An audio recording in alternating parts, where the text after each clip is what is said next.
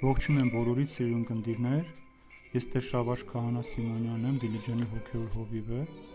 Բոլորիդ բարի ընկնդրում եմ մաղթում, որպեսզի Աստծո խոսքը մեր մեջ զորանա, սփռվի, ինչպես Պողոս Արաքյալն ասում, հավատքը զորանում է լսելուց, այնպես էլ մաղթում եմ, որպեսզի այս քարոզները կամ սուրգրքի սրտողության դասերը ամենքիդ հոգու փրկության համար մի կաթիլ ջուր լինի, որպեսզի կարողանանք մեր Տեր Հիսուս Քրիստոսի սիրով ու խաղաղությամբ ապրել այս աշխարհի մեջ։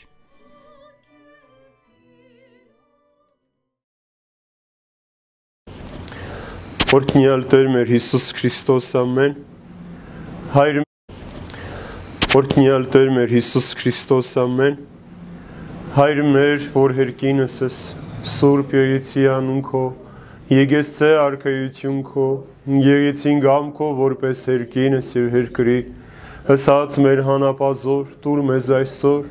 եւ թողում ես սպարդիս մեր, որպես եւ մեկ թողունք մերոց պարտապանած, եւ մի տանիրս մեզ փորձություն այլ փրկյազ մեզի չարե, զիքոյ արքայություն եւ զորություն եւ փառք ավիդյանս ամեն իմաստություն օր Հիսուս, դուր մեզ իմաստություն, բարին խորհել, խոսել եւ գործել քո առաջ ամեն ժամ եւ չար խորուրդներից, խոսքերից ու գործերից փրկիր մեզ եւ ողորմիր քո արարածներին եւ ինձ բազմամեղիս։ Նստեք սիրելիներ, նստեք։ Բարի եք եկել Քրիստոսի հարությամբ, ուրախ եմ բոլորիդ նորից տեսնելու։ Մենք պիտի շարունակենք Ղուկասի ավետարանը, այսօր 4-րդ գլուխը պիտի սկսենք Եվ առաջին երկու համաները պիտի կարողանանք այսօր սերտենք, որովհետև Հիսուսի փորձությունների մասին պիտի խոսենք, ինչպես Հիսուս մկրտվելուց հետո անապատ տարվեց Սուրբ Հոգուց առաջնորդվելով փորձվելու, բայց մինչև երեք փորձությունների մասին խոսել է, որ հաջորդ դասին պիտի խոսենք, նախ պիտի հասկանանք, թե ինչու Հիսուս փորձվեց եւ արդյոք Հիսուս կարիք ուներ փորձության եւ որն է նպատակը, որ Սուրբ Հոգին Հիսուսին առաջնորդեց անապատ փորձության։ Մենք երրորդ գլխի մեջ արդեն խոսեցինք, տեսանք Հովանես Մկրտչի քարոզության մասին, որ եկավ մարդկանց ապաշխարություն քարոզեց մեղքերի թողության մկրտությամբ։ Տեսանք Հիսուսի մկրտությունը երկինքի բացվել է աղավնի Սուրբ Հոգու աղավնը կերպով հիճավ Հիսուսի վրա, հայրն էլ երկնքից վկայեց, որ դա եմ սիրելի որդին։ Տեսանք ինչպես Հովանես Մկրտիչը հանդիմանում էր անընդհատ Հերովդեսին ընտանիքան սրբությունը պաշտպանելու համար, ով իշխանավոր էր, բայց մեղքի մեջ էր անդադար։ Պիտի տեսնենք նաև Հիսուսի ազգաբանությունը, որ մեզ համար կարևոր էր, որ տեսանք Հիսուսի նաև մարմնավոր կապը, որ ինքը նույնպես Աստծո որդի էր։ Եվ ահա անմիջապես հետո, երբ որ Հիսուս մկրտվեց, ջրից դուրս եկավ, Սուրբ Հոգին Հիսուսին առաջնորդում է անապատ փորձվելու սատանայի կողմից։ Առաջին երկու համաները պիտի սերտենք, կարդամ տեսնենք։ Եվ Հիսուս Սուրբ Հոգով լի վերադարձավ Հորդանանից եւ հերով հոգով անապատ առաջնորդվեց ու 40 օր փորձվեց սատանայից։ Չկերավ եւ չխմեց այն օրերին եւ երբ 40 օրը լրացան, քաղցը զգաց։ Այսքանը պիտի փորձենք այսօր հասկանանք, թե ինչու այդպես ամեն ինչ պատահեց։ Ինչու Հիսուս փորձվեց, ուրեմն մինչև Հիսուսի իր հանրային գործունեություն սկսելը, փորձությունը Հիսուսի վերջին հանգրվանն էր, չէ՞ ծնվեց, 8 օրեկանում անվանակոչվեց, 40-ում տաճար բերեց, ընծայվեց, 12 տարեկանում առաջին անգամ Հիսուս Երուսաղեմ ուխտի եկավ ծնողների հետ եւ մեկ էլ Հիսուսին տեսանք 30 տարեկանում, երբ որ եկավ մկրտվեց եւ կատարյալ տարիքի մեջ էր պիտի հանրային իր քարոշչությունը 3 տարվա համար որ պատրաստվել էր, փորձությունը վերջին հանգրվանը եղավ սկսելուց առաջ։ Հիմա երկու պատճառ կա, տեսնենք թե ինչու նախ Հիսուս պիտի փորձվեր, ինչու համար էր փորձությունը։ Ուրեմն, երբ որ Աստված ստեղծեց առաջին մարդուն Ադամին, Ադամը ինչ արեց։ Ձախողեց իր հնազանդության մեջ, չէ՞։ Ձախողվեց, որտեղ Աստված ասաց, որ բոլոր դրախտի բոլոր ծառերից կարող եք ուտել, բացի այն մեկից, չար եւ գիտության կյանքի ծառի պտղից չկունեք։ Եվ Ադամը չհնազանդվեց, առաջին պատվիրանը խախտվեց դրախտում, առաջին պատունազանցությունը եղավ եւ Ադամը իր անհնազանդության պատճառով կորցրեց այդ ամեն ինչ եւ ինչ արեց լսեց ճարին ականջալուր եղավ ճարին մարդը լսեց ուրեմն տեսեք որpիսի մարդը մեղքի մեջ չընկնի նախ չպետք է երկխոսության մեջ մտնես այն մարդը ով կարող է քեզ մեղքի առաջնորդել շատ հաճախ մարդկանց հանդիպում ենք տեսնում ենք որ իրենք շատ մեղավոր մարդկանց հետ նստում են, հաց են ուտում, խմում են, ամեն բան, եւ ասում են մենք իրանց չենք նման։ Մեկ էլ տեսնում ես ժամանակ հետո նույն մեղքի մեջ նաեւ այս մարդն է։ Եվ Ադամի մեղքը սկիզբը, որ իրենք հաղորդակցության մեջ շփման մեջ մտան սատանայի հետ։ Իսկ հիմա Հիսուսը Ադամն էլ էր, չէ՞, զավակը, Աստծո։ Ադամը մայր չուներ, չէ՞։ Ադամին Աստված ստեղծեց եւ իր զավակն էր, եւ այդ առաջին զավակը մարդը ցախողեց։ Հիմա իսկական զավակը Հիսուսը, Աստվածը գալիս է իր հնազանդությամբ հաղթելու սատանային։ Եվ այդ հնազանդության միջոցով հնազանդությամբ է, որ մարդը կարող է հաղթել սատանային։ Այդ մեր նորվա խոսակցության պատասխանը հպարտությունը պատճառ դարձավ ինչու, որովհետև Ադամն ու Եվան ուզեցին Աստված լինեն, հպարտության մեղքը մտավ իրենց մեջ եւ զրկվեցին։ Իսկ հիմա Հիսուս հնազանդությամբ մերժում է, չէ՞, որ կտեսնենք փորձություն, ասում է, բոլոր երկրները, աշխարհները քեզ եմ տալիս, միայն թե ինձ երկրպագի Հիսուսը մերժեց, ասես չեմ ուզում այդ իշխանությունը եւ ընտրեց խաչի ճանապարհը, խաչի ճանապարհով մեզ համար երկինքը նորից բացելու։ Եվ երկրորդ, ինչ Աստծո ժողովուրդը Իսրայելը այն ժողովուրդը, որին Աստված Իսրայել կոչեց Հակոբի սերունդը, ինչ արեց մոլորվեց չէ իր մեղքերի մեջ հեռացավ եւ ասել են որ 400 տարի Աստված այլևս չխոսեց հрьяաների հետ Իսրայելի հետ եւ հիմա Հիսուսով նոր Իսրայելը հաստատվում եւ նոր ժողովուրդ Աստծո ժողովուրդը պիտի դառնա որ բոլոր ազգերի համար էր այլևս այդ նոր իշխան եւ Հիսուս երբ որ եկա փորձվելու, այս փորձությունն էլ վերծված էր հрья ժողովրդի փորձությունից։ Հիմա որտեղ գնաց Հիսուս փորձվելու։ Անապատ չէ տարվեց, անապատ, այսինքն այն մարդաբնակ վայրը, որտեղ որ պիտի փորձվեր։ Հрья ժողովուրդը որտեղ Աստծուն փորձեց 3 անգամ, անապատում, չէ, երբ որ Աստված գերությունից հանեց Ուրեմն այս երեք փորձությունները Հիսուսի վերծված են հрья ժողովրդի կյանքից եւ ծանոթ են որպիսի հասկանան թե ինչ եղավ։ Ուրեմն առաջինը ինչ արեց Իսրայելի ժողովուրդը, երբ Աստծուն փորձեց, երբ որ ինչի կարիք զգացին, որ ասեցին Եգիպտոսում ավելի լավ էր անօթության, չէ, սովածությունից էր, չէ, որ հացը մի քիչ պակասեց, որտեվ Աստված երկնքից մանանապ դի թափեր, թրջունները պիտի գային թափեներն հավաքեին ուտեին, բայց այս մարդիկ հենց որ մի քիչ քաղց զգացին, չէ, Հիսուս էլ ասում է, տեսեք վերջում ասում է, երբ 40 օր լրացան, Հիսուսը քաղց զգաց։ Այդ նույն քաղցը զգալու պահին էր, որ սատանան մոտեցավ Հիսուսին, ասել, եթե դու Աստծո որդին ես, ասա թող քարերը հաց դառնան։ Դրա մասին հաջորդ դասին պիտի խոսենք։ Ուրեմն այս հրեա ժողովուրդը ինչ արեց, երբ որ սովածացավ, քաղցը զգաց, ըմբոստացավ Աստծո դեմ եւ այն ինչ որ Աստված արեց իրենց համար, իրենք մերժեցին Աստծուն։ Ասացին, որ դու բերեցիր մեզ այստեղ սպանես, Մեղադրեցին ասում, մենք այնտեղ լավ էինք, կուշտ էինք, ինչու դու բերեցիր մեզ այստեղ սպանելու համար։ Եվ Ինչն էր սա, Աստված ինչ արեց սրանով ցույց էր տալի, որպիսի ժողովուրդը միշտ հասկանա մարդը, որ ինքը միշտ կախված է Աստծուց։ Եվ երբ որ մարդը անհնազանդ է լինում, չի զգում այդ ամեն ինչը, նրանք ընկնում են փորձության մեջ եւ 40 տարի իրենց Աստված պատտացրեց անապատի մեջ։ Ճանապարհը, որից պիտի գնային Ավետյաց երկիր, 40 օր էր։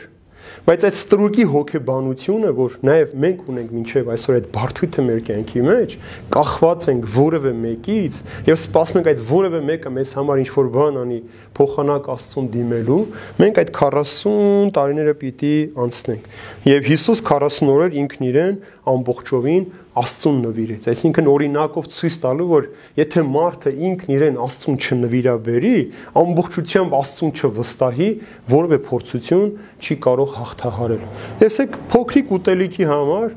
մենք օրինակ ունենք հետո ինչպես եղավ Եսավը իր անդրանիկությունը, չէ, ուտելիքի համար վաճառեց, ասես մի ապուր ճաշի համար Եվանը Յակոբին ասեց իմ անդրանիկությունը քեզ եմ տալիս։ Մի ապուր ճաշի համար։ Եվ այսօր է շատ մարդիկ մի փոր հացի համար իրենց սրբություններն են վաճառում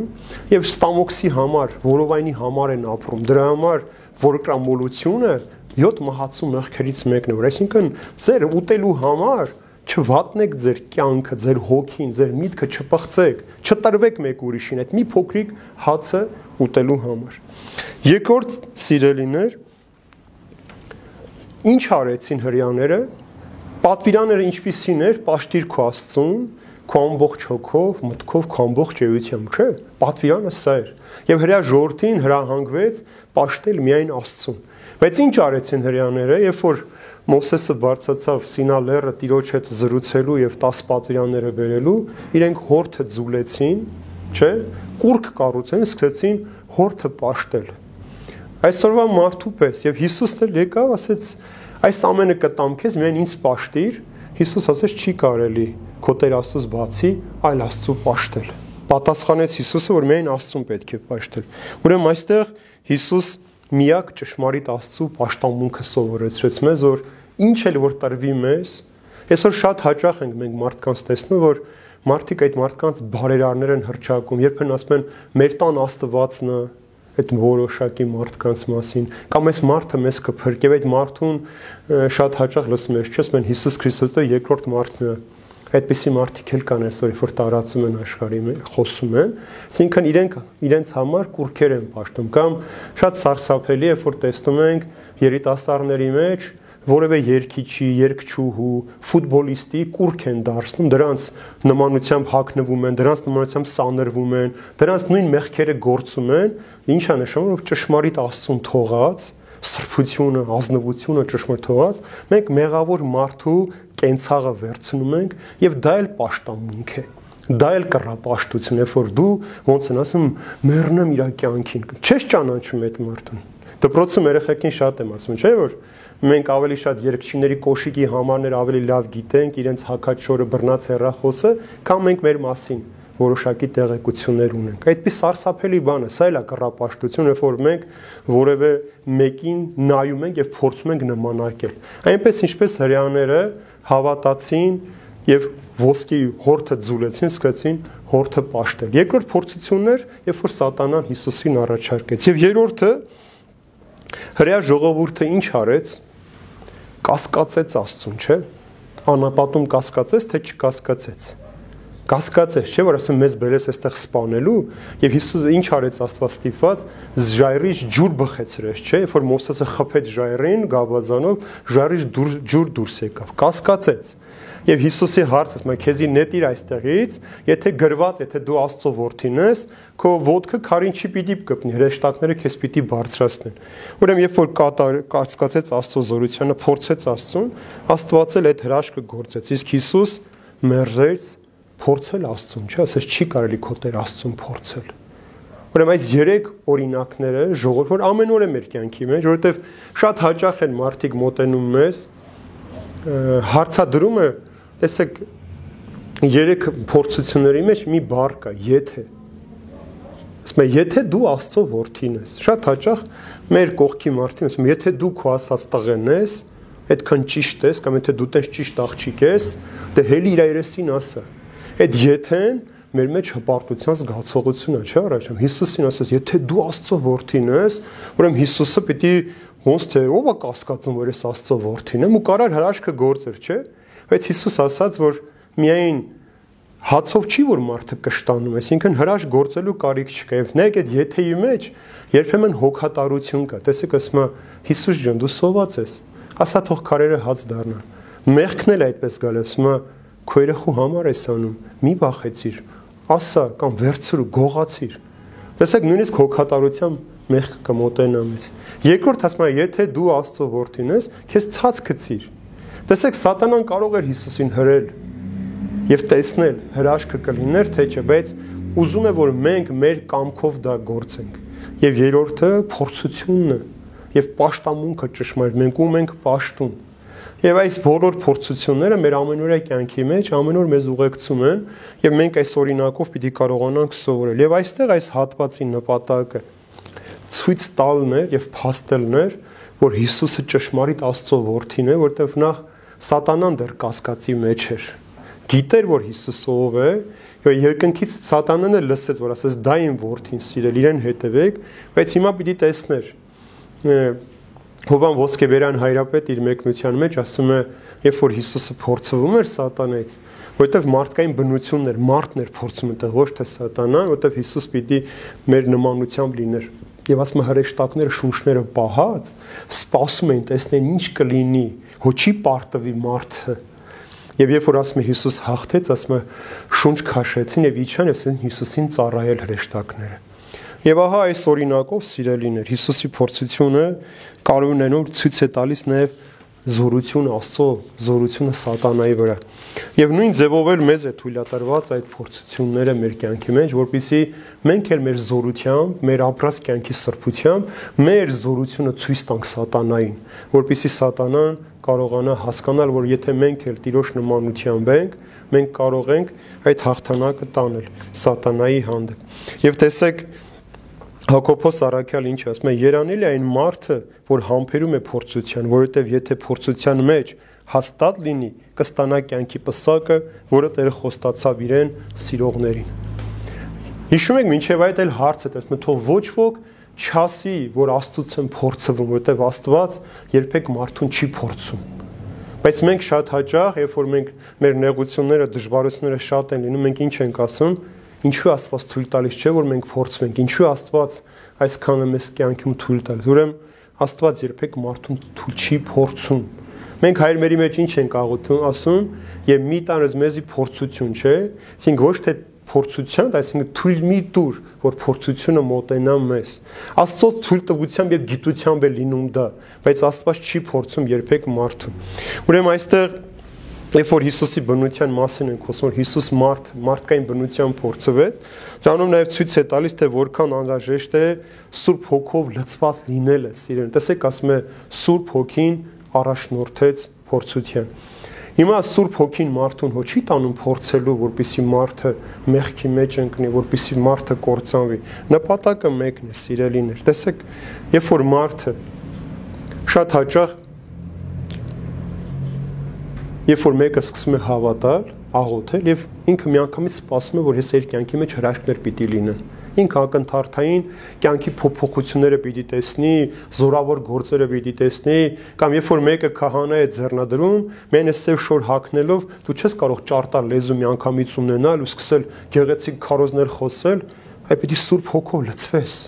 Ինչեւ սուրբ հոգին քո մեջ չգործի, դու ոչինչ չես կարող անել Եվ պատճառը 4-ն է։ Հիմա տեսենք ինչ է, ինչու համար է Սուրբ Հոգու ներկայությունը մարդու կյանքում առանձնաշտ։ Առաջինը պայքարել չարի դեմ։ Առանց Սուրբ Հոգու զորության մենք չենք կարող չարի դեմ պայքարել, սիրեն։ Առանց Սուրբ Հոգու զորության մենք չենք կարող հաղթանակ տանել։ Միայն այս սև շոր հակնելով քահանայի ձեռնադրությունը ստանալով ես չեմ կարող զորավոր լինել Հիշում եք, երբ որ բերեցին հիվանդ երեխային, որ առաքյանները չկարողացան դևին հանել նրա մեջ, ասես, «Մինչև երբ պիտի ես ձեզ հետ լինեմ»։ Մինչև երբ։ Այսինքն դերևս առաքյանն էլ այն հավատք, այն զորությունը չունեին, Սուրբ Հոգին իրաց մեջ չէր գործում, որ կարողանային դևին անել։ Բայց երբ որ տեսնում ենք հետագայում, ասում են Պողոս առաքյալ, երբ որ անցնում էր իր քրտինքը թաշկինակը քրտնինքը մաքրած դնում են հիվանդի վրա, հիվանդը մեռելից հարություն արում կամ Պետրոս Արաքյալի շողքը ընկնում էր հիվանդի վրա, հիվանդն առողջանում էր։ Ուրեմն Սուրբ Հոգին ինչքան զորավոր էր գործել մարդուն, որ չարի դեմ պայքարում միշտ հաղթանակ կարող էր տանել։ Երկրորդը մենք չենք կարող հաղթել մեր մարդկային տկարությունները։ Շատ հաճախ մարդիկ բռնված են մեղքերից։ Տեսեք, սատանան աստծոպես ամենուր չէ։ Աստված ամենուր է։ Հիմա այստեղ է, փողոցում էլ է, լեռան գագաթինել է, օթումել է, հողի տակել է, ամեն տեղ է Աստված, ամենուր է, ամեն մարդու մեջ է։ Բայց սատանան ամեն տեղ չէ, բայց սատանա ամենտեղ կարող է լինել իր ծառայակիցներով, դևերով։ Այդտեղ մեկ ասենք, ստախոսություն մեջ է, անընդհատ սուտ է խոսում, նշանակում ինքը բռնված է ստի դևով Եթե մեկը պորնոկության մեջ է, պորնոկության դևն է նրա մեջ։ Եթե մեկը ագահության մեջ է, ագահության դևն է իր մեջ։ Եվ այդ դևերին պիտի կարողանա մարդ իր մեջ։ Օրինակ, հիշում եք Մարիամ Մագդաղենացու մեջ Սուրբ Գիրքն ասում է, որ Հիսուս 7 դև հանեց։ Մարիամ Մագդաղենացու մեջ 7 դև կար։ Հանեց որովհետև կապված էր այդ մեղքերով կամ ասում եմ որ մեկին հանում ենք մեղքից դևին մեջից երբ որ այդ մարդ իրեն մաքուր չի պահում Այս դևը գնում պատտվում պատտվում, ասում է գնում ուրիշ ավելի վատ դևերի է բերում, այդ մարդու վախճանը ավելի վատ է լինում, քան նախկինում էր։ Ուրեմն դևերը, այսինքն այդ մեղքերի դևերը կան, որ գործում են։ Օրինակ, գիտեք, սուրբերից մեկը 40 տարի շնության մեղքի դեմ է պայքարում 40 տարի հետո նոր դևը այդ մարդուն հանգիստ է թողնում դուրս է գալիս փախնում այդ մարդու միջից եթե ոչ մենք կապված ենք մնում ուրեմն սուրբ հոգուն զորությունը պետք է, որպեսզի մենք կարողանանք մեր տկարությունները մեր վրայից հանենք եւ հաղթենք։ Երրորդը Սուրբ հոգու առանց Սուրբ հոգու ներգործության մենք մեր առաքելության մեջ չենք կարող հաջողել։ Այս եկեղեցի հիմա որ մենք ունենք, այս աղոթքը տեղը մենք ունենք, սա մեզ Սուրբ հոգու միջոցով է եղել, որ տարբեր մարդկանց է ուղարկել, մեկը մեզ կանթեղ է տվել, մեկը խալի է տվել, մեկը քար է տվել, մեկը ջուր է տվել, որպեսի Աստծո տուն, եթե չկա այդ առաջնորդությունը, մենք հոգևոր կյանքի մեջ երբեք չենք կարող հաջողել։ Տեսեք Սուրբ Հոգին անընդհատ ասում է Տերն եմ հովիվը Դավիթ Մարկեմ ինձ ոչինչ չի պատկանում ասում է ինձ դալոր դալար արոտավայրերում պիտի բնակեցնի եւ ամբողջ կյանքիս ընթացքում ես մենակ չեմ ասում եթե մալվան շունկն էլի վրա կախված լինի ես չեմ վախենում Տեր որովհետեւ դու ինձ հետ ես Տեսեք Սուրբ Հոգին ինչեր անում մարդու համար բայց այդ առաքելությունը հաջողելու համար դու պիտի թույլ տաս որ Սուրբ Հոգին գործի քո մեջ Մայր Թերեզան ասում է մենք ասում է Աստծո ձեռքի մատիտներն ենք մենք մենք թույլ պիտի տանք որ Աստված մեզանով գրի Եվ այդ թույլ տվությունը Սուրբ Հոգու զորությամբ է, որ մեր մեջ լինում է։ Եվ վերջապես, եթե Սուրբ Հոգին չկա, մարդը չի կարող փրկվել առանց Սուրբ Հոգու առաջնորդության եւ մխիթարության մարդը չի կարող փրկվել։ Փրկության առաջնորդողն էլ Սուրբ Հոգին է սիրելիներ։ Դրա համար տեսեք պատարակի ժամին էլ չեմ որ ես առանձին հացը վերցնում եմ մորտում եմ հետո սկի հետ չէ գինին այդ բան Սուրբ Հոգուն եմ խնդրում որ ինքը այդ հացը եւ գինին Քրիստոսի մարմին եւ արյան փոխարկի փոխարինի փոխակերպի եթե ոչ Միայն իմ աղոթքներով ես չեմ կարող այդ հացն ու գինին Քրիստոսի մարմին եւ այրուն վերածել, որpիսի մենք հաղորդվենք եւ բոլորս մեկ դառնանք։ Ուրեմն այս ամբողջից ինչ հետևություն է, որ մեղքը դատարկում է մարդուն, ամայացնում է, բայց Սուրբ Հոգին լցնում է մարդուն. Զորությամբ, հավատքով, ճշմարտությամբ եւ արդ եւ հաղթելու զորությունն է տալի մեր ձեռքը։ Մենք հաղթանակած թակավորի, հաղթանակած հետևորդներն ենք, բանակն ենք, զինվորներն ենք, եւ հարությամբ Հիսուսը ես հաղթեցի աշխարհին եւ այդ հաղթությունը Հիսուս տվել է մեզ, որպիսի այդ փորձության միջով անցնենք։ Հիմա տեսեք, Սուրբ Հոգին տարբեր գործունեություններ ունի, սիրո, չէ՞, ասում Սուրբ Հոգինց առաջնորդված գնաց անապատ փորձվելու։ Սուրբ Հոգին մեզ միշտ առաջնորդում է, բայց Սուրբ Հոգին միայն արդյունքում դալար արտավայրում կամ անջրդի վայրերում չէ, որ մեզ բնակեցնում է, այլ նաև մեզ առաջնորդում է փորձությունների։ Մեզ հետ գալիս է փորձությունների։ Տեսեք, բայց ոչ թե նրա համար, որ մարդուն կործանի, այլ որպիսի մարդը հաղթանակած եւ զորավոր դառնա։ Տեսեք, համակենտրոնից ճամբարում ֆաշիստական այդ պատերազմի տարիներին, երբ որ համակենտրոնում գիտեք այդ ճամբարներում ամեն օր կամ մարդկանց գազախցիկներում խեղդում էին կամ գնդակահարում էին, հերթական երբ որ գալիս է գնդակահարության, այդ խմբի մեջ 10 տարեկան մի տղա կար կանգնած։ Երբ որ ասում են կրակ, եւ կրակը լսում է բոլորը ընկնում են մահացած, երեխան վիրավոր արնակամ տարապում է։ Եվ Միկին կանգնած որ այսին գերիները կանգնած նայում էին, Միկին ասում է՝ «Բա ուր է Աստված, եթե Աստված լիներ, այս երեխան չէր տանջվի»։ Կողքի կանգնած մեկ ուրիշ որ շատ հավատավոր էր, ասում է՝ «Քուրիկ, իս դու շատ դիժն ես», ասում է երեխայի մեջ, Հիսուս ինքն է մեռնում։ Հիսուս ինքն է տարապում։ Այսինքն այս օրինակով մենք նաև տեսնենք մեր հավատքի զորությունը, մենք հաղթանակած հավատք ունենք, թե պարտվող հավատք ունենք։ Մեր հավատքը հրաշքներ գործող հավատք է, թե անդադար նահանջող հավատք է։ Ամեն օր է մեր կյանքի մեջ այս հարցը եւ կասկածը։ Կա, թե չկա։ Սա Աստծուց է, թե Աստծուց չէ։ Ուրեմն շատ փորձություններ մեզանից է։ Ուրեմն երեք տեսակի փորձություն կա մեր կյանքի մեջ։ Նախ որ առաջին Աստված է թույլ տալիս, որpիսի մենք եւ մեր միջոցով մենք հաղթենք սատանային, Երկրորդ մարդիկ են մեզ փորձում, շատ մարդիկ կարող են մեզ փորձել եւ այդ փորձության մեջ շատ հաճախ ընկնենք եւ երրորդ մեր մեղքերի ցանկությունների պատճառով որ մենք փորձում ենք։ Մենք ժողովուրդը ասում է նպատակն արդարացնում է միջոցները, բայց նպատակը չի կարող առ միջոցները չեն կարող նպատակ առնել, եթե նպատակն միջոցները սպանության, գողության, խափեության միջոցով ես հասել այդ նպատակին։ Դա աստծուց չէ դա քո ցանկությունն է հասնել այս բարձունքը գրավել քոնը լինել բայց դու պիտի կարողանաս ազնվությամբ այստեղ հասնել եթե ոչ մի օր անպայման պիտի գլորվես Աստված է մեզ տալիս ցանկացած իշխանություն, ցանկացած հնարավորություն։ Մենք ճիշտ չենք օգտագործում, մենք միանգամից մեր շատ կյանքում տեսել ենք մեր կյանքում, որ մարդիկ միանգամից հարստացել են, հետո միանգամից շատ արագ աղքատացել են ու ինքնասպան են եղել, չեն դիմացել այդ ամեն ինչին։ Ինչու՞ հետև Աստված տվել է, որ հասկանաս, որ հարուստ լինելը միայն քեզ համար չէ, այլև դրանով դի բարիք գործես, աղքատի հանդեպ խնամք տանես, բայց չտանելու պատճառով դա քո մարմնավոր ցանկությունների, հաճույքների համար ես օգտագործել, ուրեմն դու անպայման պիտի ցած ընկնես այդտեղից։ Եվ այս փորձությունների համար է, որ Սուրբ Հոգին մեզ առաջնորդում է, որpիսի մենք հաղթանակած եւ զորավոր լինենք։ Դե տեսեք, Պողոս Արաքյալը Կորինթացնի առաջին նամակի մեջ շատ գեղեցիկ բնութագրում ունի։ Ասում է ձեր վրա ոչ մի փորձություն չի եկել բացի մարդկանցից եկած։ Բայց հավատարիմ է Աստված, որ ձեզ ավելի փորձության մեջ չի գցելու, քան կարող եք տանել, այլ փորձության հետ փրկության ելքել է ցույց տալու, որպիսի կարողանաք համբերել։ Տեսեք ինչքան գեղեցիկ է նկարագրված ասում է ձեր վրա ոչ մի փորձություն չի եկել բացի մարդկանց բերած փորձությունից։ Եւ Աստված էլ ասում է թույլ չի տվել, որ ձեր կարողությունից ավելի փորձության ենթարկվեք։ Ուրեմն ինչ դժվարություն, նեղություն որ կա մեր կյանքի մեջ, դա մեր կարողություններից վեր չէ։ Դա մեր կարողությունների սահմաններում է, որpիսի մենք ինչ անենք, համբերել սովորենք, համբերություն սովորենք։ Եվ մեկ ուրիշ տեղ էլ Պողոս Արաքյալն ասում է, Ինչու է ասինքն մահը թողել մեր կյանքի մեջ։ Նրա համար ասում է, որ մենք մարդիկը սովորենք ինքներս մեզ չապավինել, այլ Աստծուն, որ հարություն է տալիս մեռելներին։ Որ մարդը սովոր ինքն իրեն չապավինել իր վրա հույսը չդնել, իր նմանի միջ, միջոցով իր փրկությունը չգտնել, համբերություն սովորել։ Հիվանդությունը մեզ ինչ է սովորեցնում։ Համբերություն, չէ՞ Մենք կարող ենք մեր անհամբեր վիճակով միանգամից մեր հիվանդությունը կտրել։ Չէ, կան հիվանդություններ, որ մեր դեղը խմում ես, գլխացավը տանցնում է, բայց կան հիվանդություններ, որ օրեր, շաբաթներ, նույնիսկ ամիսներ, տարիներ են տևում, եւ դրա մեջ մենք համբերություն ենք սովորում։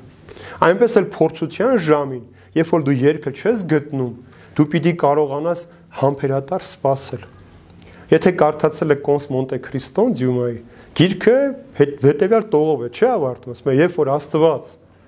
ապագայի վարակույրը փակ է պահում, մարդուն մնում միայն երկու բան՝ սпасել եւ հուսալ։ Այդ երկու բանը պիտի կարողանա մարդը սпасել եւ հուսալ։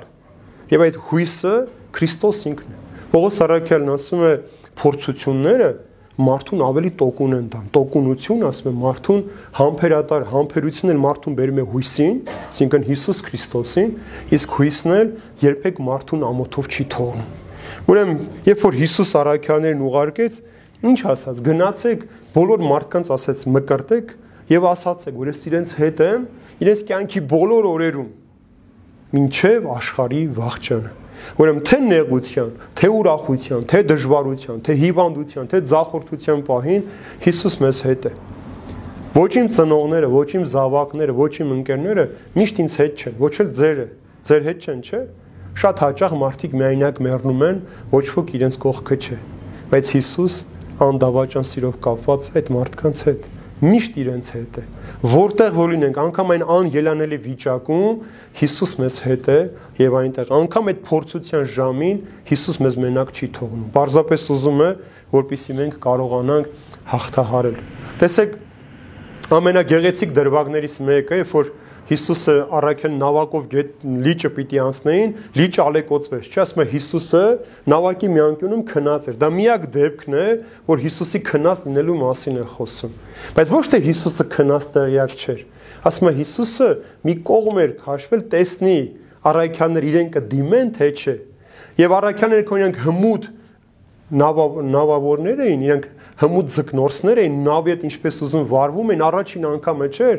այնքան փորձեցին, որ տեսան այլևս ելք չունեն, նոր Հիսուսին դիմեցին, ասին չես տեսնում, խեղդվում ենք, փրկիր մեզ։ Նույնը մենք ենք անում։ Մեզ թվում է թե մենք կարող ենք հաղթահարել ցանկացած դժվարություն։ Նեղություն ունենք, ծնողներից թաքցնում ենք, ընտանիքի անդամներից թաքցնում ենք ու փորձում ենք ինքներս լուծել։ Մինչև այն պահը, որ խճճվում ենք, այլևս ելանելի չկա, գնում դիմում ենք, բայց արդեն ամեն ինչ ավերված է լինում։ Եվ ով որ պիտի մեզ օգնի, շատ մեծ ջանք պիտի թափի, բայց եթե նույն պահին մարդը կարողանա կանգնել ու ասել, որ չեմ կարող իմ ուժերից վեր է, այդ պայն իր հարցերը կլուծվի։ Բոլոր խնդիրները իր կյանքի կլուծվի։ Մարդը միայնակ չի կարող դժվարություն հաղթահարել։ Մարդը միայնակ չի կարող, եթե իր կյանքի մեջ Հիսուս չունի։ Առանց Հիսուսի մենք բոլոր տեսակի նեղություններ, դժվարությունների մեջ պարտություն պիտի կրենք։ Ուրեմն նոր գտակարանի մեջ երկու տեսակի փորձությունների մասին է խոսում։ Ուրեմն առաջինը Աստծո կողմից արտոնված փորձությունը, որի մասին արդեն խոսել եմ, եւ երկրորդը ցանկություններից եկած փորձություններն են, սիրելիներ։ Արտոնվածը նրա համար է արդեն ասացի, որ մենք կարող ենք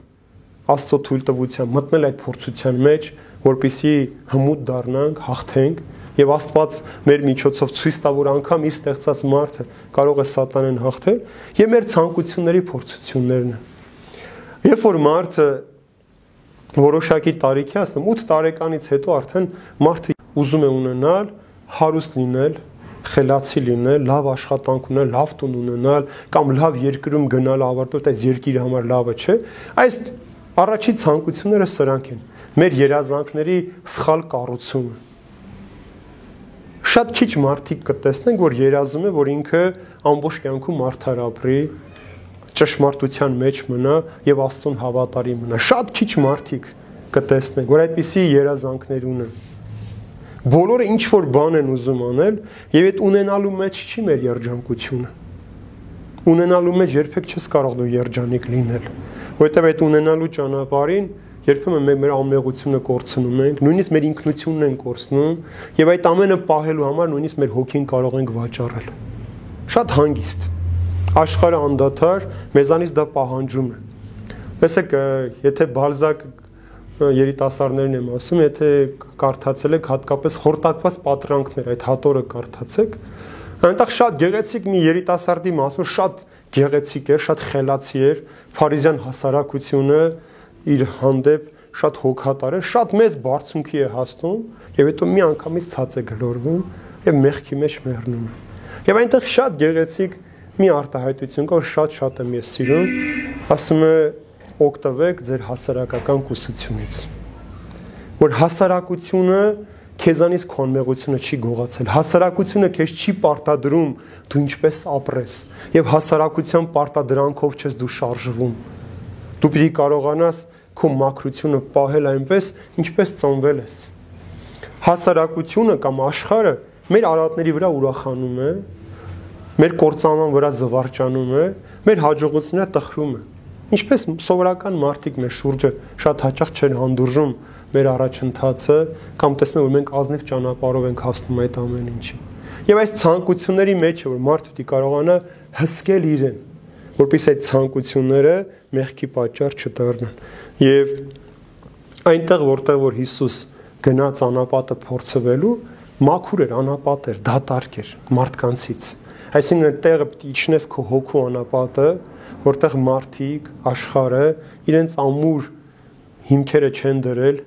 կամ նավի պես իրենց խարիսխը չեն գցել քո հոգու մեջ կանգ առել, որpիսի քեզ մեղքով տարածեն եւ կարողանաս այդ մակրության մեջ տեսնել եւ այս փորձությունները, որ աշխարհը նույն ձևով աշխարհը մեզ առաջարկում է, որ մենք իրեն պաշտենք, Աստծուց հեռանանք, որ մենք Աստծուց բացի այլ բաներ փնտրենք, ուրիշ կերակրով կերակրվենք եւ երրորդը մենք միշտ Աստծուն փորձենք։ Այդ օրեր առաջ, երբ որ զինվորի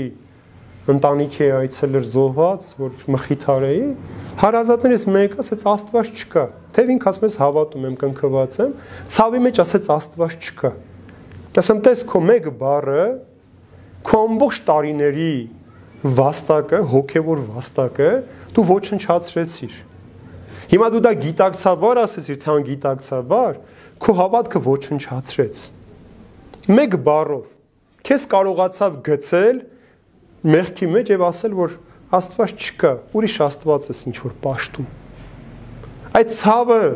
միակ տեղն է մահը, միակ տեղն է, որ մեր մեջ միշտ կասկած է առաջան, հատկապես երիտասարդի, երեխայի մահը, որ մեջ ինչու։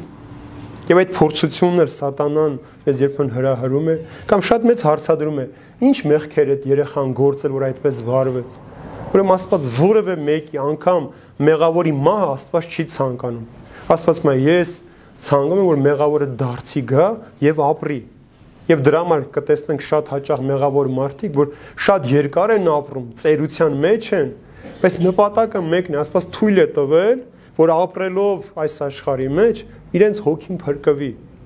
Այդ դրա պատճառով է։ Եվ Աստված երբեք չուզե որ անմեղը մահանա, սիրելիներ։ Հիմա տեսեք, ասում է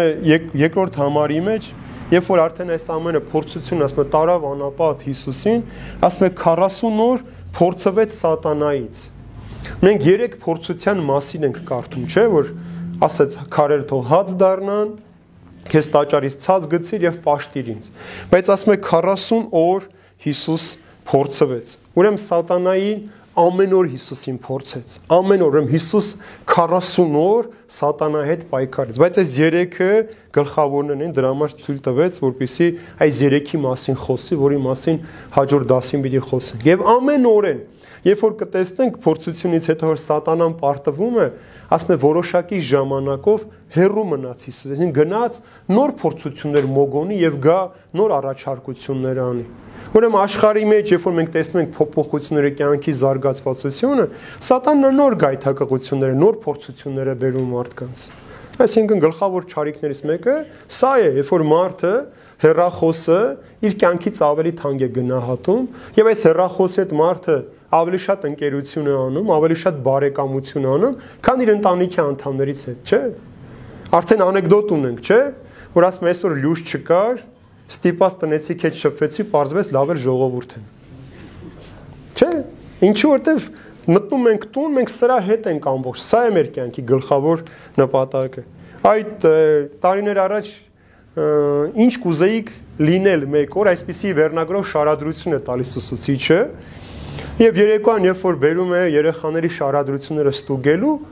լաց է լինում, տանում է ամուսնուն, ասում է մի հատ լկարթա այս շարադրությունը, Եվ ինչ էր գրված, ասում է կուզեի, ասում է որ մեկ օր ասում է ես մեր տան հերոստացույցի տեղը զբաղեցնել։ Ասում է որովհետև երեկոյան որ բոլորը տունն են գալիս, հավաքում են հերոստացույցի շուրջը։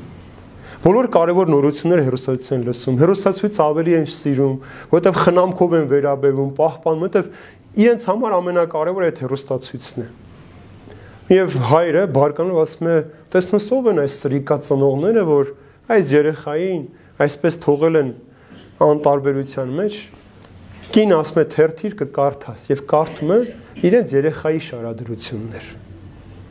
ուսուցչու երեխայի շարադրություններ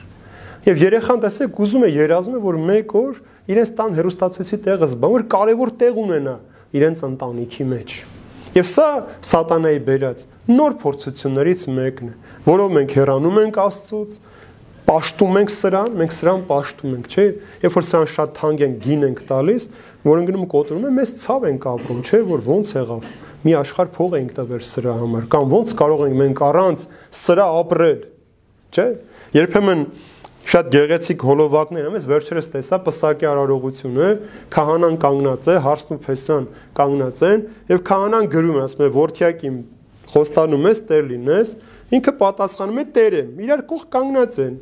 եւ հարսին ասում է խոսում ես հնա, դեն ասում է դե հիմա ձեզ հայտարարում եմ ամուսիններ եւ երկուսն իրար պաչիկներ են ուղարկում հերախոսով։ Ուրեմն ինչքան ենք մենք տեղ տվել սրան մեր կյանքի մեջ, որ փորձում նույնիսկ ամուսինները պարկում են անկողնու մեջ էլ ամեն մեկը մի կողմ շրջվում է եւ սրա մեջ է այս մեծ գայթակություն։ Սա էլ փորձություն է մեծ, որից մարդը պիտի կարողանա զգուշանալ սիրելիներ։ Ուրեմն Հիսուսի եւ սատանայի մեջ պատերազմը ամեն օր է, ամեն վարքյան, ամեն ժամ է, բայց Հիսուս իզորությամբ հաղթում է միշտ եւ չկա մի ճակատամարտ, որ Հիսուս հաղթած չլինի։ Բոլոր ճակատամարտերը սատանա հետ Հիսուս հաղթել է։ Եվ դրա համար սատանան մեր միջոցով է փորձում Հիսուսի հանդեպ հաղթանակ տանել։ Որտեւ ամեն մի կորցված մարդու հոգու համար Աստծո սրտի մեջ սուր է անցնում։ Ամեն մի մեղավոր մարդը, որ ունի մեղքի մեջ, Աստծո համար մեծ ցավ է եւ դժբախտություն է, որովհետեւ իր ստեղծած մարդը իրենից հեռանալով ընկել է սատանայի ճիրանների մեջ։ Հիսուս նաև սատան օրինակով ուզում է մեզ ցույց տալ սիրներ, որ մենք էլ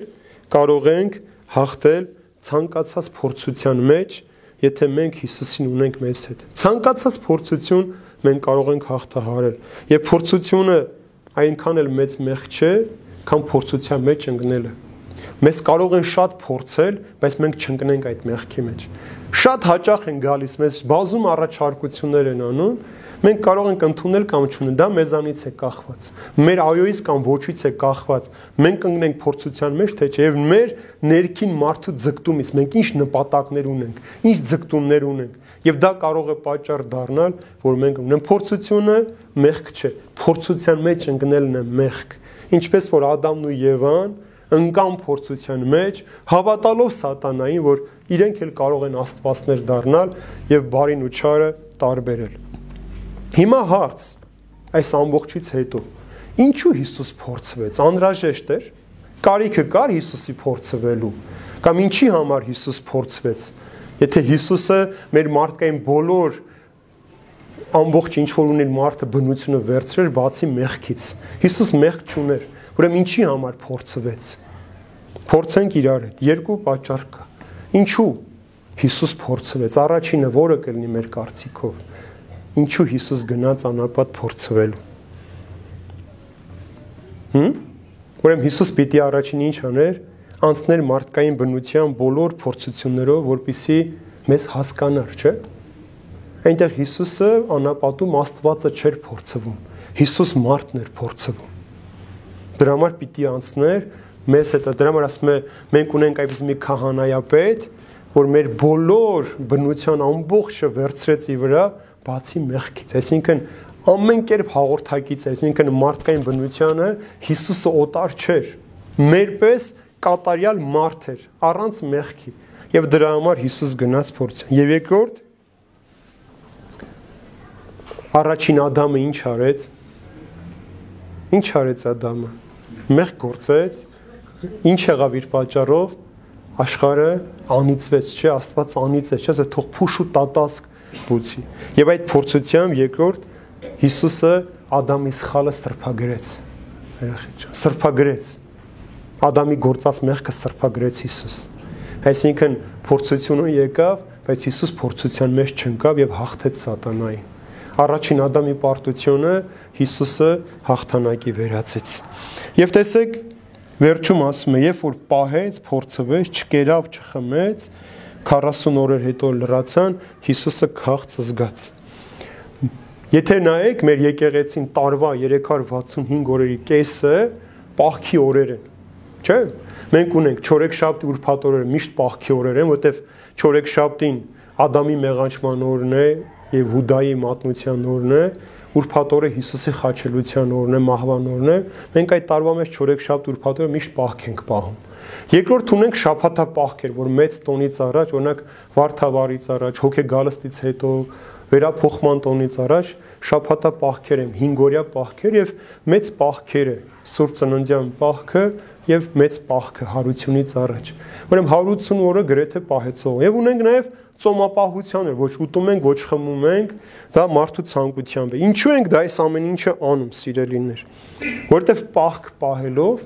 մարդը հեռանում է նյութականից եւ իր հոգին է զորացնում, ինքն մարմինը տկարացնելով իր հոգին է զորացնում։ Աշխարհը այսօր ինչ ասում, հատկապես սպորտի, ասում են առողջ մարմնում, առողջ հոգի։ Աշխարհը այսպես է սովորեցնում, առողջ մարմին եթե ունենաս, առողջ հոգի կունենաս։ Բայց քրիստոնեական ընկալմամբ դա սխալ է, որովհետև պիտի առողջ հոգի ունենա մարդը, որ առողջ մարմին ունենա։ Չի կարող մարդը ֆիզիկապես առողջ լինել, բայց հոգին տկա պիտի հոգիդ ուժեղ լինի, որ մարմինը տարողջ լինի։ Ուրեմն մենք հոգու զորության համար ենք այդ պայծովում, որպեսզի զորանանք եւ Աստծուն կարողանանք ապաշտել մակրությամբ եւ սրբությամբ։ Հիսուս այս օրինակով մտավ անապատ եւ ծոմը պահեց, չկերավ, չխմեց, որպեսզի ցույց տա, որ յուրաքանչյուր մարդ մեր մեջ կարող է։ Այսօր շատ հաճախ մարդիկ ասում մենք չենք կարող պահք պահել, որովհետև ես առանց միշտ չեմ կարող, առանց կաթի չեմ կարող, առանց խմելու չեմ կարող։ Կարող են, պարզապես ցանկություն չունեն։